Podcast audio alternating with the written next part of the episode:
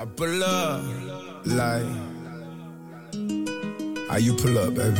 How you pull up? Mm. Peppe, how you pull up? Jag vet inte ens vad det betyder. How you pull up, Peppe? Med bilen då? Brand new Lamborghini, fuck a cop car. With a pistol on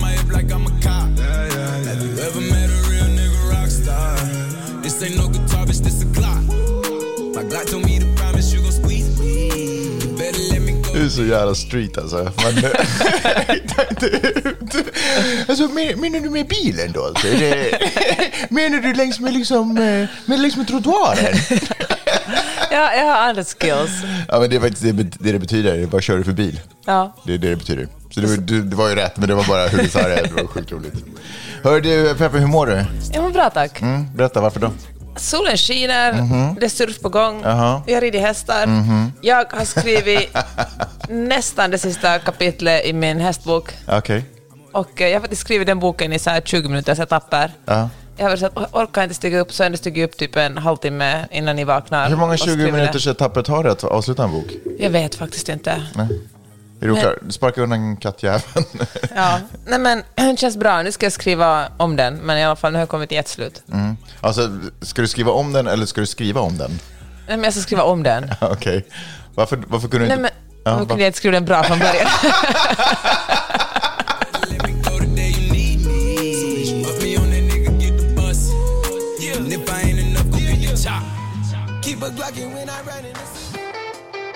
lyssnar på Magnus och Peppes podcast.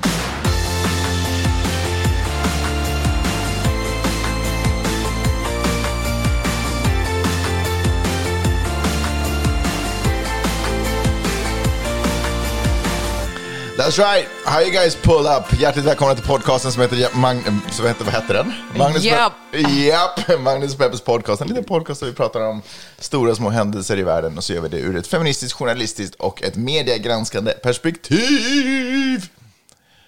Peppe, hur har veckan varit? Nej men den har varit jättebra faktiskt. Ja, Ja, du har varit lite krasslig. Ja. Är, du, är du på banan nu? Mm. absolut. Det finns ju inget värre än när du är sjuk. Vet du vad, jag håller min sjukdom diskret. Eller? Jag gör faktiskt Känner du det? Hur kommer det sig att jag vet om den då? För du hela tiden hånar mig för att jag är svag. I den, här Ja, familjen får man inte. I den här familjen får man inte vara sjuk. Man får genast liksom, det, det blir ingen så här ta hand om någon annan eller, eller liksom pyssla eller ta sak, liksom gör, utan det är liksom, man kräver ännu mer av den som är sjuk. Ja, varför är det så? Nej men jag tycker att det är bra. Alltså, alltså check yourself med din sjukdom. Alltså, Ja, men orka ha någon som går omkring och gnäller om Ja, sin men, sjukdom. Nej men så här, man får ju förstås vara sjuk. Alltså lider man av någonting på riktigt, 100%. Men en del av förkylningar tror jag bara är, jag är trött. Ja, Det är vad förkylning egentligen ja är. Och sånt accepterar vi inte i det här hushållet. Ryck Nej. upp dig. Vill du bo i LA? Fucking upp och Då, hoppa. det här är inte en stad för trötta människor. Nej, hörru, vad har du, har du, du har fått rida? Ja, det är så roligt. Det här är verkligen två personer som lyssnar på den här podden är intresserade av. Men eh, jag red ut och var cowboy. Det är en massa andra hästar ut som sällskap. I vad, vad, vadå du var cowboy? Nej, så man hoppar upp och så rider man på sin häst, Ja. barbacka. Och sen, har man, och sen har man en annan häst i grimma liksom, och grimskaft som man leder med sig. Ah. Och sen blir de hästarna ganska ovana att göra det, så de sliter sig hela tiden. Och det är massa andra människor ute på hajken och man bara hehe, hoppas de inte galopperar på någon Men annan. alltså är det, bara sådär, jag vet inte om du kan svara ärligt på det här, men är det här farligt? Nej, det är verkligen inte farligt. Men alltså okej, förlåt. Är det här farligt för andra människor? nej, alltså hästar, nej, nej, nej. Men hästen som sliter sig och Ja, som de är oregerliga, Nej, det, alltså de är, de, de, de, alltså det är inte som skulle rusa på andra människor. eller? Nej, nej, nej. Nej. Ja, men det var i alla fall väldigt roligt. Det var som att, du vet, ibland, jag tränar ju mycket, liksom vill vara duktig på att rida Mm. rätt. Och då är det så underbart att ibland bara rida ut och skoja lite. Det är Mm. som att vara på ridläger igen och vara 12 år gammal. Just det. Det är verkligen någonting av det bästa som finns i livet. Underbart. Jag är glad för din skull att du fått göra det. Eh, det är ju sjukt provocerande för mig att du ändå sådär, fast du har ont i halsen, för, även fast man inte får visa svaghet, så är det sjukt provocerande för mig att du säger ja jag är sjuk, men jag ska ändå ut och sådär göra fysiska saker Fast jag säger nästan aldrig att jag är sjuk. Fast du- Okej, det är kanske vad som händer i ditt huvud, men ur din mun kommer ändå de orden. Ja, ja. Hur som helst, så att eh, ingen har dött av lite ridning. Nej.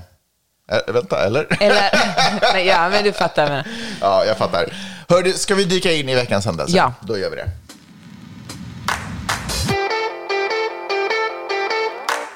Mellanårsvalet. Ja, Det är väl det ändå det. här i USA. Det är så stort. Vad, vad, berätta för mig, vad innebär, hur ska, du, hur ska du beskriva mellanårsval? Men så här är det, det är ju, i USA finns det ju en senat och, ett, eh, och kongress, och, eh, eller representanthuset som det heter officiellt.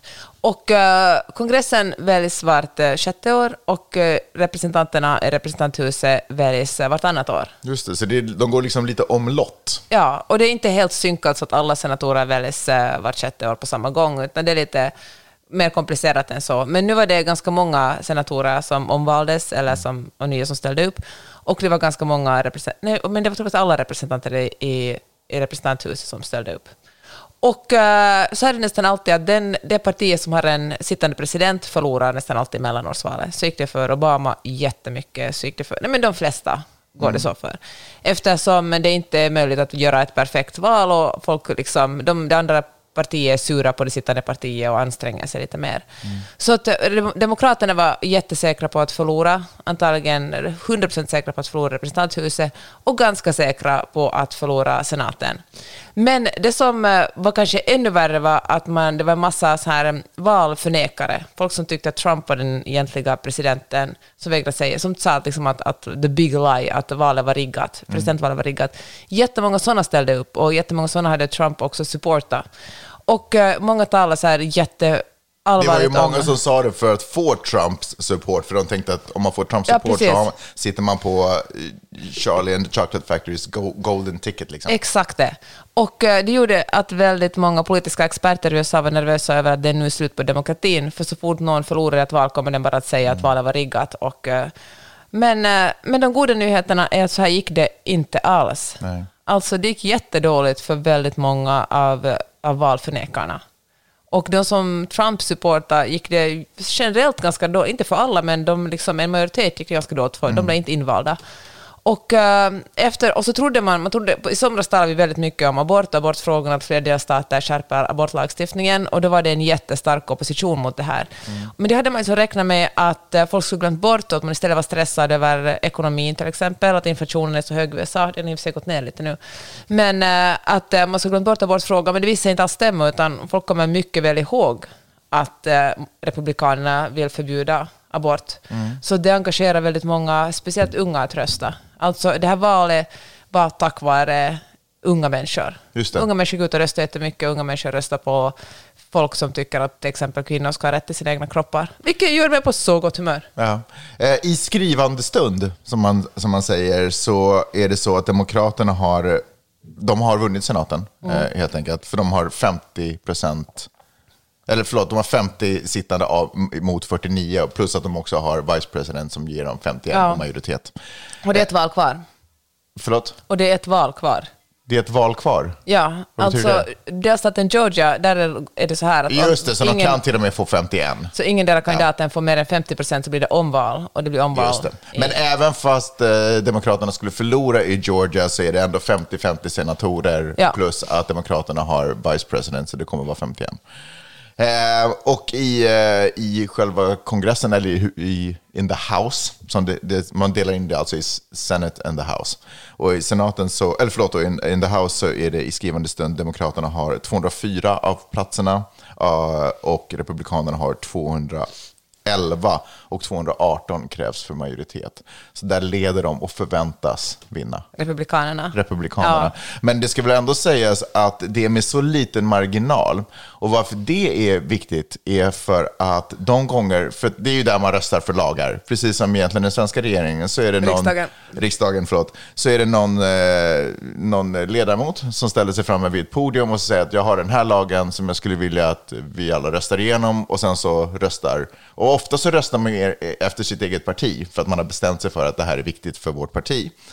Men eftersom det är så tajt, och ibland händer det så att folk röstar mot sitt eget parti, och det kan ju hända demokrater också, det är ju inte så. Men eftersom det är så tajt så är det nu extra viktigt att alla verkligen röstar enligt sina egna block. Och det kommer inte alltid hända.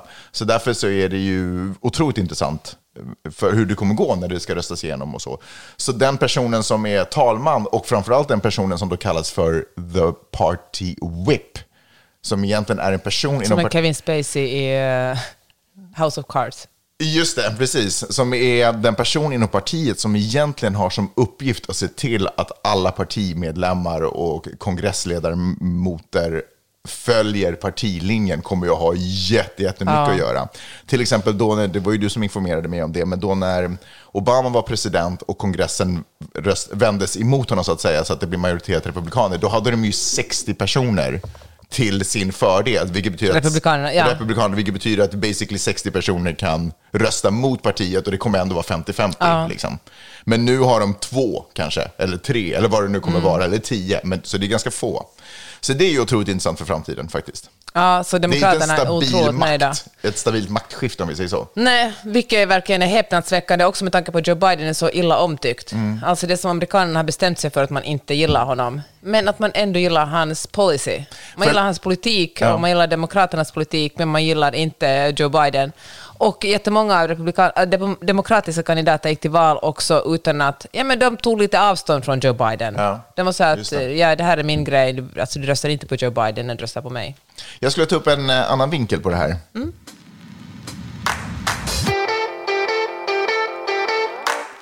Och det är ju Trump-kortet. Precis som du sa så är det ju flera av de här personerna som har ställt upp som Eh, i val för senaten och, eller bara som kongressledamoter alltså har velat bli endorsade av Trump eh, för att de tänker att det kommer leda till en säker vinst. Och Trump har ju sedan han var president eh, sett som ledare för det republikanska partiet. Även fast vissa, till och med så här Mitch McConnell har försökt lite så här prata emot honom så har han ändå alltid varit tvungen att krypa tillbaka och backpedala liksom, så, att, så att han står bakom Trump.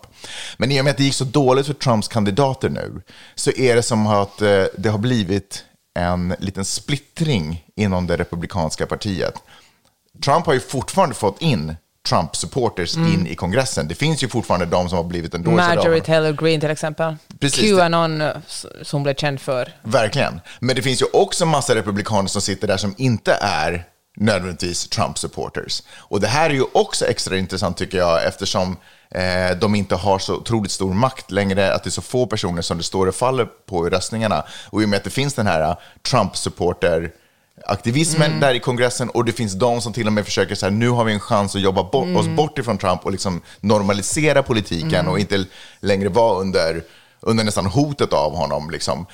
Så där finns ju redan en splittring som gör att folk kanske ibland måste distansera sig, för jag svär att det kommer vara en del jag kallar dem bara för Trump-supportrar där i, i kongressen, som kommer vara så här, ja men vi måste göra om eh, eh, röstningsregler eller vi måste göra ditten och vi måste göra datten som ligger under liksom Trumps agenda. Men som andra delar av partiet känner sig, nej men nu, det här ville vi egentligen aldrig göra.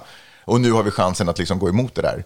Så det ska bli otroligt intressant att se hur de får de här två sidorna inom det här samma partiet att fungera tillsammans.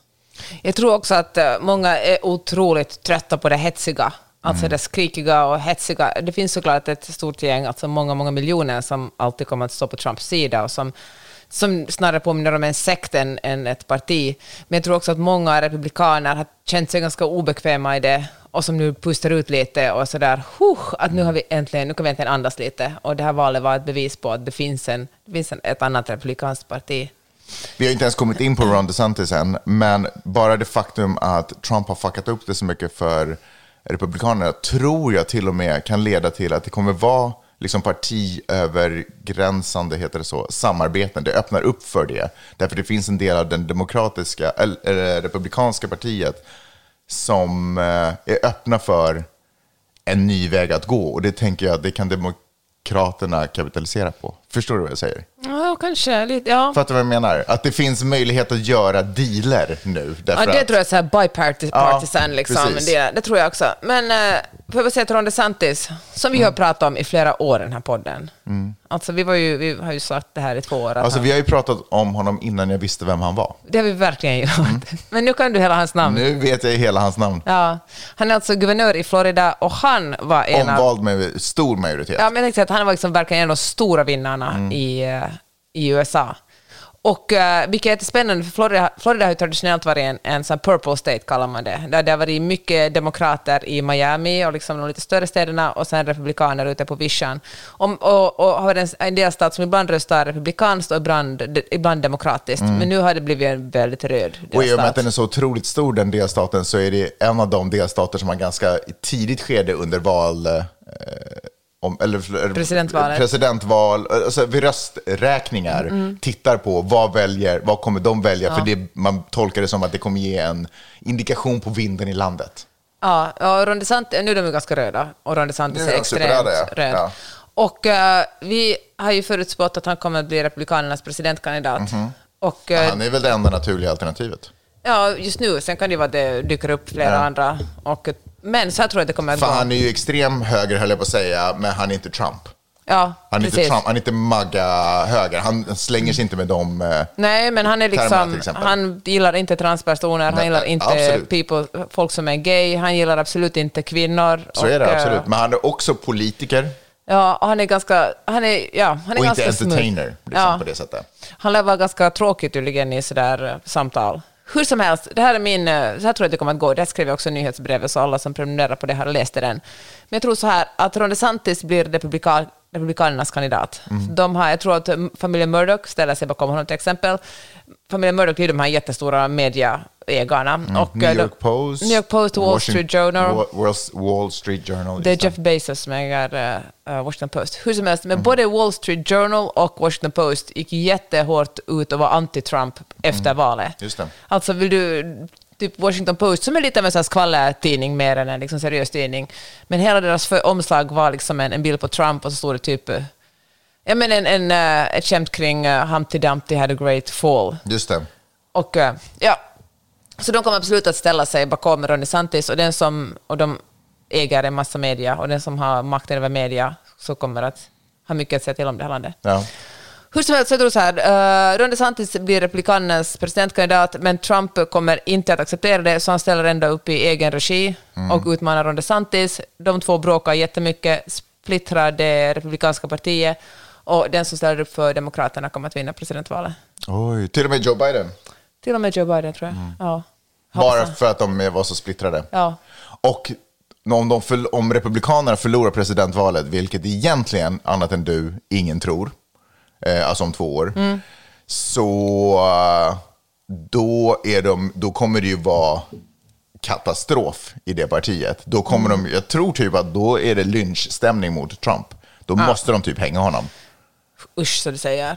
Nej, men förstår du? Alltså, säga, metaforiskt, förstår du vad jag menar? Men gud, det fattar jag. Men ja, det för, det, ja, Alltså, men, de måste ha en scapegoat. All skuld måste läggas på honom. ja, liksom. verkligen. Men jag tror att han är, alltså, jag tror att han nu är lite av den. Ja. Alltså, men jag bara menar, precis, men om han ställer, alltså jag tror att de jobbar jättehårt på att han inte ska ställa upp Ja, i presidentvalet just nu. Jag tror inte de hoppas på att han blir dömd för något brott innan det. Däremot tror jag att han kommer, vill ställa upp, för Ja. att jag tror att det är svårare att döma honom för brott om han är en officiell presidentkandidat. Så är det förstås. Och eh, sen ska jag också säga att han har ju typ inom situationstecken hotat, eh, eller så här, nej, fel uttryckt. Han har varnat Ron DeSantis från att ställa upp i presidentvalet eh, mot honom.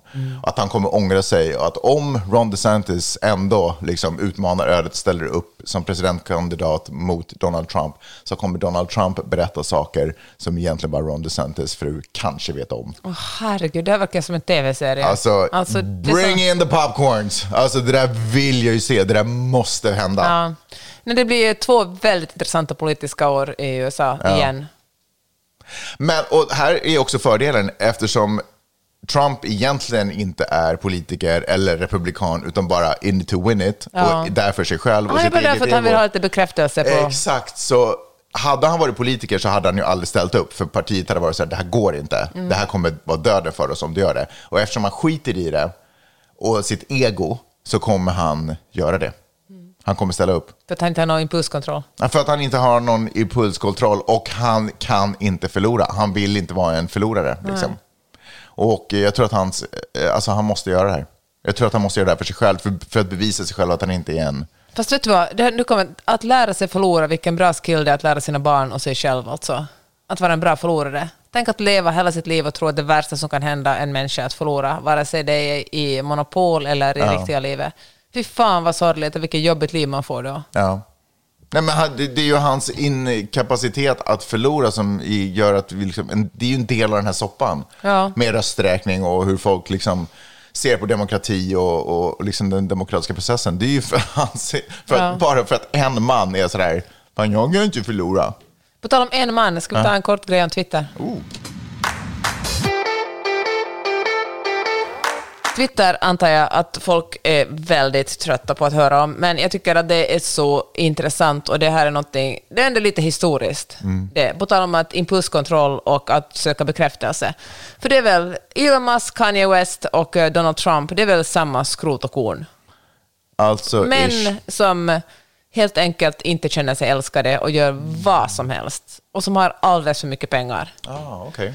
Och Det var kategorin, okej. Elon Musk sa bara för att men han ville få lite bekräftelse Mm. på Twitter, så skrev han att han kan köpa Twitter och styra upp det, för att Twitter var dålig. Och det är sant, Twitter är ju inte världens bästa ställe att hänga på, men eh, ändå ett ganska bra ställe om man är journalist till exempel. Där får man snabba nyheter. Det Har det ändrats nu?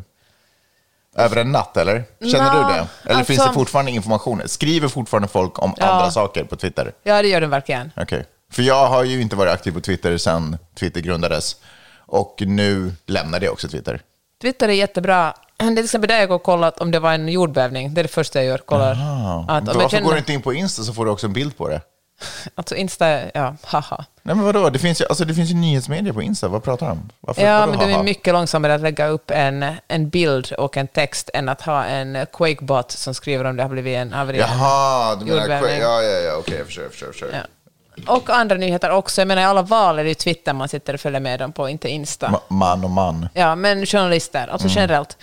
Så jag, har, och jag, håller med, alltså jag fattar ju att Twitter har jättestora problem. Twitter har liksom problem för användarna, för att eh, det är mycket bottar där, det är mycket troll, folk har otrevlig attityd. Men det är också ett snabbt och bra medium att få information på. Okej. Men alltså, Elon Musk går in säger han styr upp Twitter, han kommer att köpa Twitter, vilket han säkert inte menar, men så gick det så långt att han var tvungen att köpa Twitter för 44 miljarder dollar. Hade såklart inte de pengarna i fickan. Så Mm. Var han, inte också grundargumentet att han ville ha tillbaka Trump in i Twitter? Att de, han tyckte att Twitter censurerar. Ja. Han kritiserar dem för att de så väljer vem som får prata och inte får prata. ja, han, ja, men precis. Och så skulle han gå in och styra upp det. Det där tycker jag är intressant. Det kan vi tala mer. Alltså det är en jätteintressant grej faktiskt, för det var det han tyckte. Han tyckte att Twitter inte längre var roligt. Mm. Och, eh, för det är den första saken, efter att ha köpt Twitter så där skrev han typ att comedy is back. Nu kan vi bli roliga på Twitter igen. Och det stämmer, comedy var ju definitely back Det var han- så jävla roliga dagar faktiskt Ja. på Twitter. Förutom att han inte tyckte det var roligt att Ja. någon Men inte tack honom. vare honom, utan mer på grund av honom. Ja. Men köpte han det, men proble- det här missförstånd som väldigt många gör, det här gäller ju andra sociala medier som Trumps True Social eller Parler som, också, som som Kanye West vill köpa, det är också ett tydligt tecken. Alltså Kanye har Parler, Trump har Truth Social och Elon Musk vill ha Twitter. Att eh, då kan vem som helst få säga vad som helst. Förutom att det, det så funkar inte yttrandefrihet. Alltså yttrandefrihet är inte att alla ska ha en plattform att skrika ut vad man tycker och få hota varandra hur mycket som helst. Utan yttrandefrihet kan bara, kanske paradoxalt nog, men så här är det fun- fungera om det finns moderering. För att om du säger någonting som får mig att vara tyst, då har du ju inskränkt på min yttrandefrihet och då är en plats inte längre en plats för yttrandefrihet. Kort förklarat. Hur som helst, det här, så här långt tänkte inte Elon Musk, vilket jag tycker är så roligt för att han, det finns liksom en grupp människor, mest män, som tycker att Elon Musk är det största geniet på jorden. För att han har fått folk att tro att det är han som har grundat Tesla, köpte in sig där, att det var han som grundade SpaceX, fick jättemycket understöd från amerikanska staten och han grundade väl inte det heller. Eller grundade? Nej, det gjorde han väl inte. Men i alla fall, han har i alla fall fått folk att tro att han är ett geni. Men, eh, men att han inte ens förstår hur det innebär att eh, driva en sån här sajt, det skulle till och med jag, som verkligen inte är ett geni, geni kunna förklara. Att en plats där folk skriker vad som helst för varandra, där man får vara hur rasistisk som helst. Första dagen när Elon Musk ägde Twitter steg användandet av n-ordet med 500 procent. Folk bara, nu kan jag äntligen använda n-ordet. Alltså det var det folk mest av allt ville. Vilken annonsör tror du vill synas i det här sammanhanget? Alltså, ingen. Alltså de största eh, mediebyråerna, alltså som kopplar ihop företag med, med medier, rekommenderar alla sina kunder att inte synas i det här forumet eftersom man inte vill att den här smutsen ska kastas på en. Nej, just det. det är därför som Truth För det Social... blir ju också ett statement om man väljer att vara kvar. Förstår? Ja. Eller det kan tolkas som ett statement av Ja, båda som att man tycker att det är okej liksom, Ja, ja, att, att den vem, Ah, this is fine, I'm just gonna do me here. Precis. Så det, att vill man ha ett framgångsrikt, eh, säg att man vill äga Twitter, då är det faktiskt jättebra moderering om man vill få in pengar genom att företag För betalar att man håller det vårdat. Ja. Liksom. Det är väl inte en konstig sak. Så brukar det ju vara oftast i, liksom, i mötesrum, i sam, liksom, samtal, att man så har ett vårdat språk. Ja, eller vi har vissa regler här hur Ja. vi uppför oss. Precis. För att annars så känns det inte seriöst helt enkelt. Exakt så. Och, eh, så det finns som två orsaker till att ha moderering, och det är ju ett då, alltså att utan moderering finns det ingen yttrandefrihet, Mm. och två, du kommer inte att få in några pengar via annonsörer om du inte modererar. Får jag också säga att moderering har man ju därför att folk inte tar det ansvaret själva. Alltså det, det idealiska skulle ju vara att folk tog ansvar själv för sitt språk Ja. och, och sina yttranden. Men eftersom folk inte tenderar att göra det så måste det finnas någon form av regelverk. Och då hade ju Elon Musk en sån här vision om att man skulle köpa en verifiering, han skulle tjäna pengar på användarna, Mm. vilket också är roligt eftersom användarna också är produkten. Alltså det är det han, alltså är man på Twitter eller Instagram eller Facebook, då är man ju en produkt alltså, man är Mm. inte en kund. Men att produkten dessutom ska betala 8 dollar för att eh, bli verifierad, utan det krävdes så mycket mer att man bara sa hej jag är George W. Bush, vare sig man är det eller inte, och så blev man verifierad. Och det här ledde ju, det här, ingen som lyssnar på det kan missa det, ledde till väldigt roliga komedikonton när folk uppgav sig från att vara både företag och personer som de inte var. Så det här existerar i en dag. Och, men också en sån tanke... Vadå, så är verifieringsköpet där nere nu? Ja, det existerar. Du kan inte längre betala 8 Va? dollar i det månaden. Ja, det höll en dag. Sen blev det så... Jaha, han tog bort den funktionen direkt också. Ja. Så folk som har prenumererat får då, för, och har ändå betalat för en månad, får de tillbaka sina pengar då eller? Vad tror du? Oh, shit, han, best, han stal folk på 30 dagar? Åh nej, en miljardär stal pengar av vanligt ja, folk. fast det är ändå, okej. Det Ja. måste ju finnas öppning för stämningar där. Men jag tror att Elon Musk kan bli stämd åt många olika håll. Oj, oj, oj.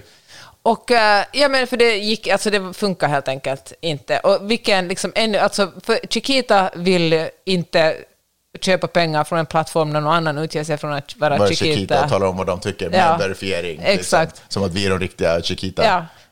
Och, men det här är ju i sig väldigt Ja. roligt, så på så vis hade ju Elon Musk rätt att det blev väldigt kul när, för det. Alltså det är Ja. sorgligt men kul. Men den stämningen som jag upplever, obs bara i mitt flöde just nu, är att folk är så här att okej, det här är de sista dagarna av Twitter, Mm. vi tar farväl av varandra, och det var roligt så länge det varade. Mm. Och man räknar väl kallt med att Twitter kommer att gå i konkurs. Och det hade ju också Elon sagt, och de får, han gav sparken åt en stor del av folk som jobbar där. Och eh, han sa att, hade väl sagt för några dagar sedan att eh, han räknar med att det kanske blir bankruptcy här. Och, eh, Men alltså, förlåt, men varför är det ingen som skapar en eh, social medieplattform nu som heter typ Squeak? Som handlar om att man får skriva typ 160 tecken och det är modererat och det är liksom...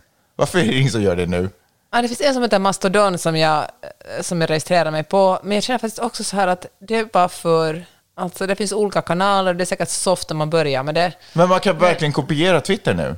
Ja, Alltså bara starta upp en ny, den riktiga Twitter. Alltså de gamla Twitter-ägarna eller, skulle kunna eller, göra om hela grejen. Eller Twitter går konkurs och någon annan köper Twitter. Ja, nej, men det, det, det är fair enough. Men jag bara tänker, vad roligt det skulle vara om de gamla Twitter-ägarna startar upp ett liknande igen, till den grad så du provocerar Elon Musk igen och han igen måste köpa liksom, det nya. Och så är man i en sån här rolig loop där han bara betalar 40 miljarder dollar var, var 30 år. Åh, herregud, alltså, jag vet inte om det är så roligt. jag tycker det var alltså... Men det som ju är på riktigt roligt i det här är att jag tror att vi alla är så fruktansvärt trötta på miljardärer som gör vad de vill och lever så otroligt världsfrånvänt. Att man verkligen... Alltså det finns en sån otrolig tillfredsställelse att se hur dåligt det går för honom. Alltså man vill se honom krossas eftersom det verkligen finns folk som knappt har råd att köpa mat. Och så finns det människor där Elon Musk har sagt att han skulle vilja hjälpa hungersnöden i världen. Men istället sätter han 44, men, så, men när FN kom med ett Ja, svar gör så här kan då. det- ja, Ja. så då bara ghostar han FN, köper, samlar ihop en massa pengar, köper, eh, bland annat Saudiarabien har gått in och sponsrar, alltså MSB har ju gått in och sponsrat Twitter, liksom hjälpt honom med Mm. lån. Går in och sätter dem på, på Twitter istället för att liksom, få bekräftelse för, som sin pers, egen person. Och då är det väl en njutning att se hur han bara liksom, Ser det skeppet sjunka. ja, det är så tillfredsställande. Jag tänker att det är det som Det, alltså, det har blivit för stora inkomstklyftor. Folk Mm. har för mycket pengar. Det är liksom, eh, eller vissa få, ytterst få människor, men andra kämpar utan någon som helst eh, liksom, skyddsnät. Och jag tycker det, är, det här är väl någonting, en sån här mini-revolution av folket. Ja, men precis. Jag skulle faktiskt säga det. Att jag kommer ihåg på det glada 90-talet när jag jobbade inom IT. Då, då sprack ju den IT-bubblan. Bostadsbubblor spricker ju också, du vet. Hus Ja. blir över, lägenheter och hus blir övervärderade efter ett tag. Någon bara sådär, wait, det här Man fick ett hus för mindre än 3 miljoner dollar här i vår hoods till exempel. Ja, du ser. Eh, och jag känner att nu kanske vi är, inte för att det någonsin kommer gå någon nöd på Elon Musk, hur Nej. dåligt den går för Twitter och Nej. så. Men, men någonstans så känns det ändå som att eh, de här miljardärerna har börjat avslöja sig. Alltså, så länge de bara var lite bakom eh, sina kontorsväggar Precis. så var det så här, vad gör de? De verkar magiska. Vad är det för spännande de grejer? är genier, de är, smart, de är roliga. Ja. Ja. Men nu har de, de kan liksom inte hålla sig utan eh, pengar har på något sätt har de tagit som ett IQ-värde. Mm. Eh, fast det egentligen bara är någonting de är duktiga på. Det är som att sådär, jag är bra på att spela shufflepuck, alltså är jag intelligent. Nej, du har bara lärt dig en skill. Liksom. Mm. Och nu är det som att deras mun har fått lite för mycket eh, momentum. Och nu, håll, nu är världen synar det här nu. Så att nu ser man hur dåliga de egentligen är. Trump är dålig. Ja. Det syns liksom. Han har inte skill. Att man, att man är på en våg betyder inte liksom att man kan surfa. Oh. Nej, men det är sådär. Och, och, och liksom, det börjar gå då. Sådär, Facebook måste säga upp massa människor.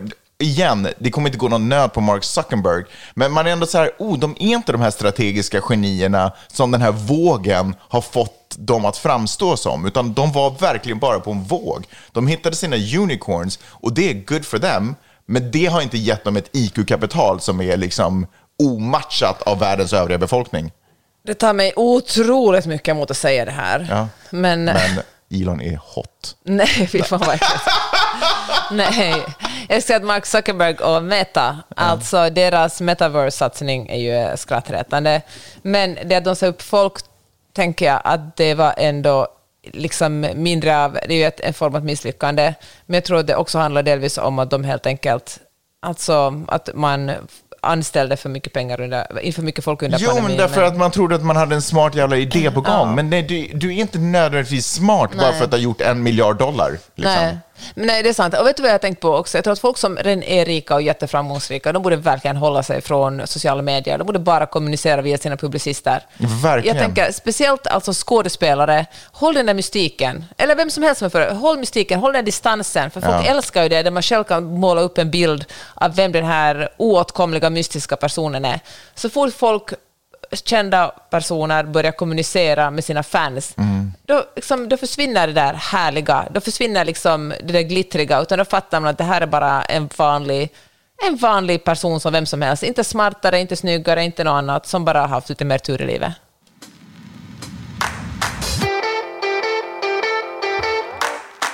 Ja, det har jag tänkt på. Jag har också tänkt på en annan sak. Julia Fox, kommer du ihåg vem det är? Nej. Hon som Kanye dejtade en kort stund Ah. efter att han skilde sig från Kim Just Kardashian. det. Eller Kim Kardashian skilde sig från honom. Hans rebound. Ja, Vad hände med henne? hon är... Hon som ändå klassades ganska snabbt som en golddigger. Ja, hon är inte. Nej, för att hon... Nej, jag har berättat. Fy fan vad... Jag följer henne på TikTok, på tal om att följa kända personer. Jaha. Hon är... Alltså hennes stil är så... Jag tror att hon är verkligen en trendsättare. Henne, hon, är, hon är liksom it-girl just nu. Hon, är- och en orsak är det att hon verkligen struntar helt i the male gaze. Alltså hon struntar i att vara sexy för män.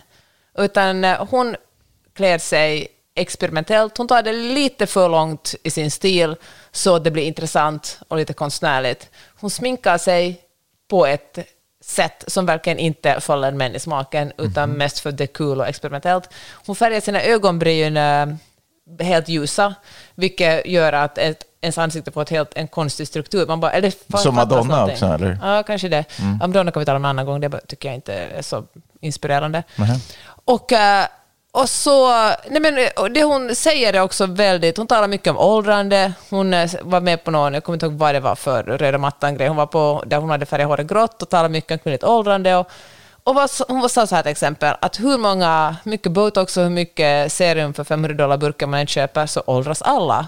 Och det är en sån jävla fälla för kvinnor att tro att eh, man bara duger som 20 någonting och att försöka sträva efter det ständigt. Mhm. Att fan, skit i det liksom. Jag måste säga att det var väldigt otapp, otippad person att dra upp i den här podden. Jag, tr- jag trodde inte att man... Alltså, Att hon, man pratar om henne längre. nej, men jag trodde inte hon fanns längre. Nej, hon finns verkligen. Mhm. Och jag säger så här, Magnus, håll ögonen på Julia Fox. Julia Fox Ja, alltså. Hon håller verkligen fingret mot eh, pulsen. Okej. Eller örat mot, eh, vad heter det, Rälsen. rälsen. Ja. Eller, eh, eller slicka lite på pekfingret, hålla det i luften och så vet hon varifrån vinden kommer. Det, Nej men, fattar. Julia Fox, du hörde det här. Oj. Julia Fox är den här poddens nya Ron DeSantis, fast, fast bra. Aha, kommer hon bli politiker också? Nej, men jag menar bara att det lönar sig att lyssna på vad hon säger och vad som händer med henne.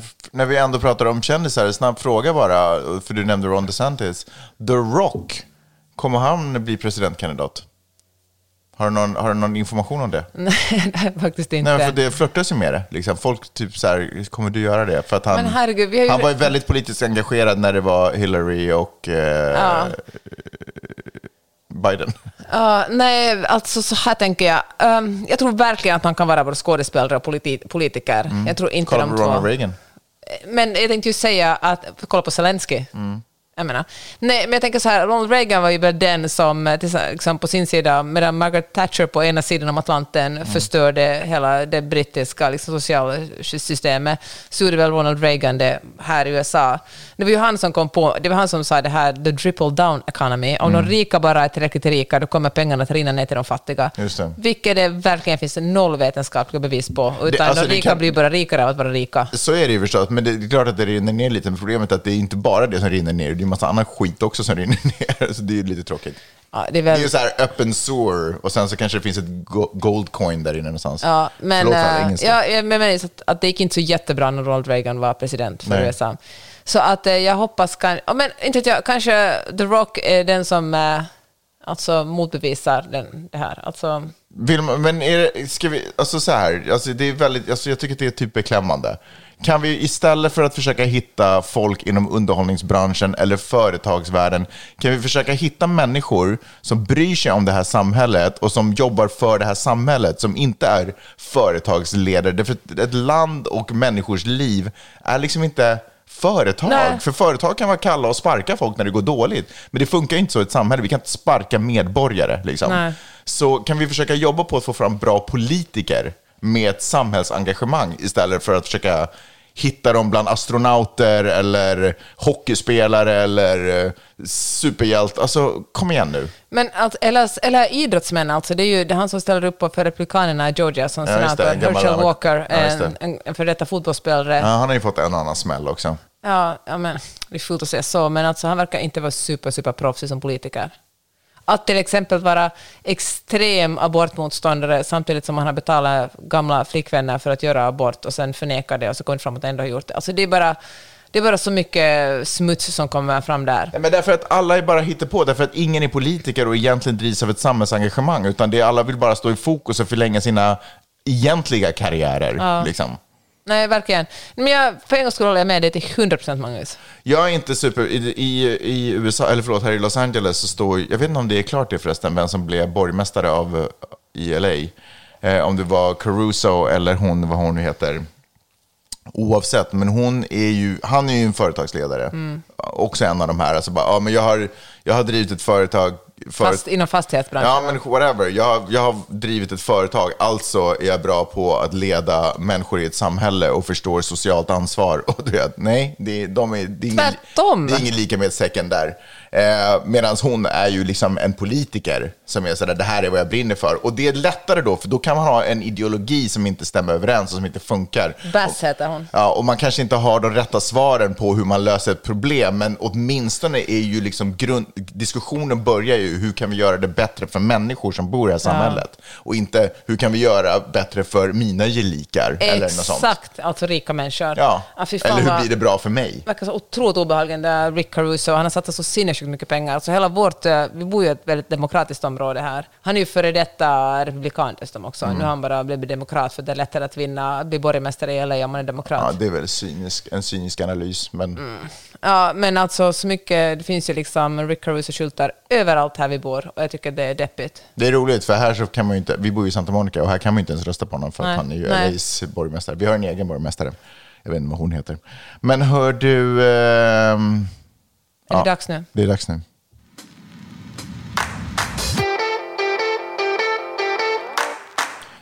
Det kan ha ändrats nu när jag säger det här, men i veckan så var det ju en enorm Super Bowl, alltså lotterivinst.